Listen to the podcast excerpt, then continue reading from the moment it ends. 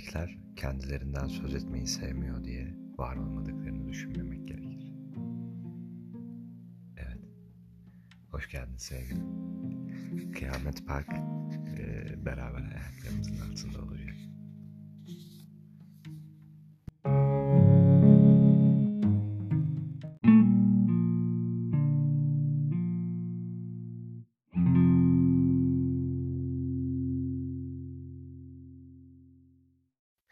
Alemin anlaşılır sebeplerle ancak son derece yanlış biçimde kendi canıma kastettiği o meşhum olaydan sonra sokakta arkadaşlarımla gönlümce sürtme konusundaki tüm ayrıcalıklarımı kaybetmiştim.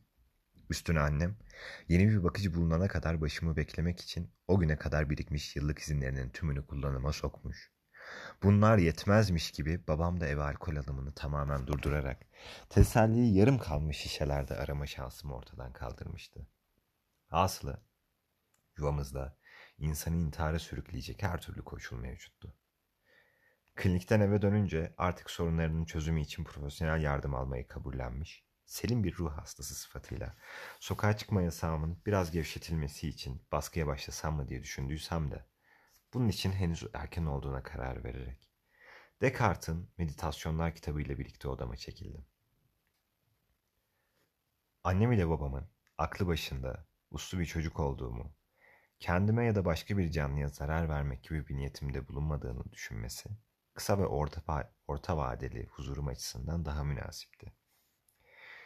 Divana uzanıp kitabın en sevdiğim bölümünü açtım.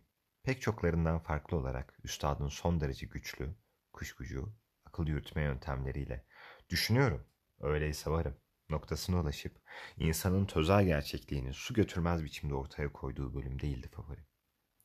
Ben oradan hızını alamayıp İnsandaki bu özün bir dağ ya da bir vadinin ayrılmazlığı gibi Tanrı'nın gerçekliğine işaret edişini tespitlediği, bir diğer deyişle yüce yaratıcının da varlığını kanıtladığı bölümün meftunuydu.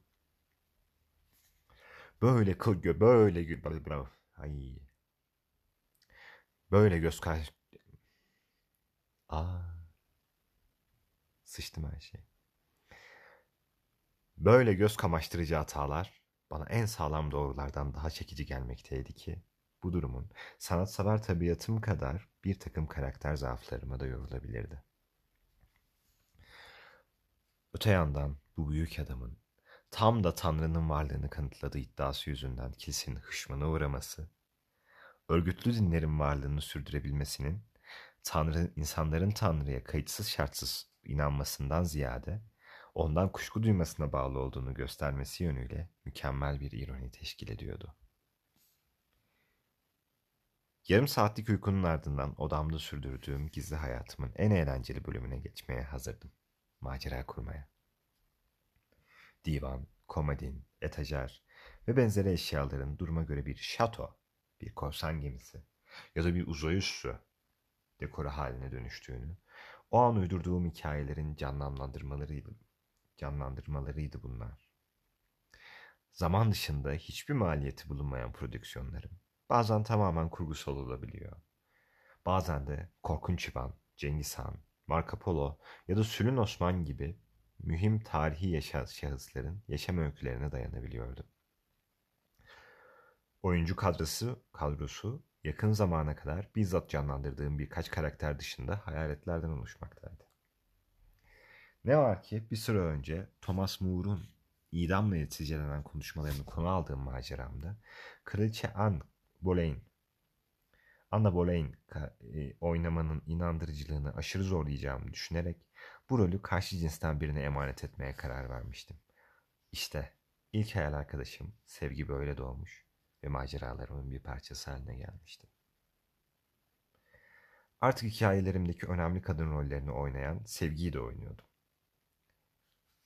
Bunda bir tuhaflık, bir hastalıklı denecek bir taraf da fark etmiyor da değildim. Ama aramızdaki profesyonel mesafeyi koruyarak meseleyi kontrol altında tutabileceğime inanıyordum. Gelin görün ki insan faktörü söz konusu iken işler o kadar kolay yürümüyordu. Hele de karşınızdaki bir kız ise. Zaman içinde sevgiyle yakınlaşmış, maceralar dışında da görüşür olmuştuk. Siyah bukleleri, kocaman kahverengi gözleri, güzel sayılabilecek bir yüzü vardı. Sessiz, içine kapanık bir kızdı.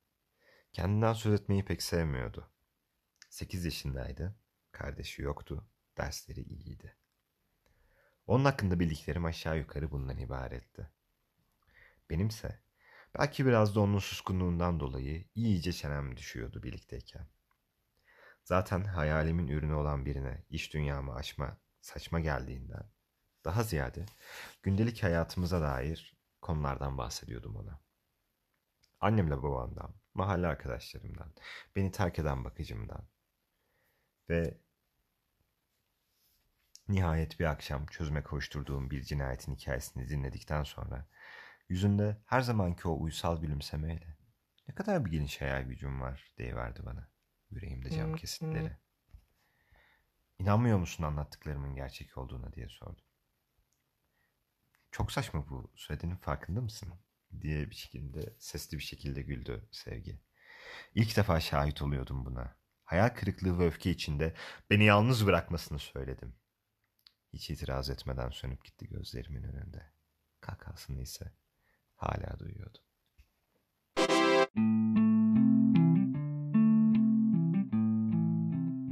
Evet. Umarım tekrardan e, bulurum.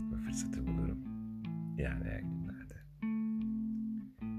Kıyamet Park tekrardan seninle olacak ve maceramıza kaldığımız yerden devam edeceğiz.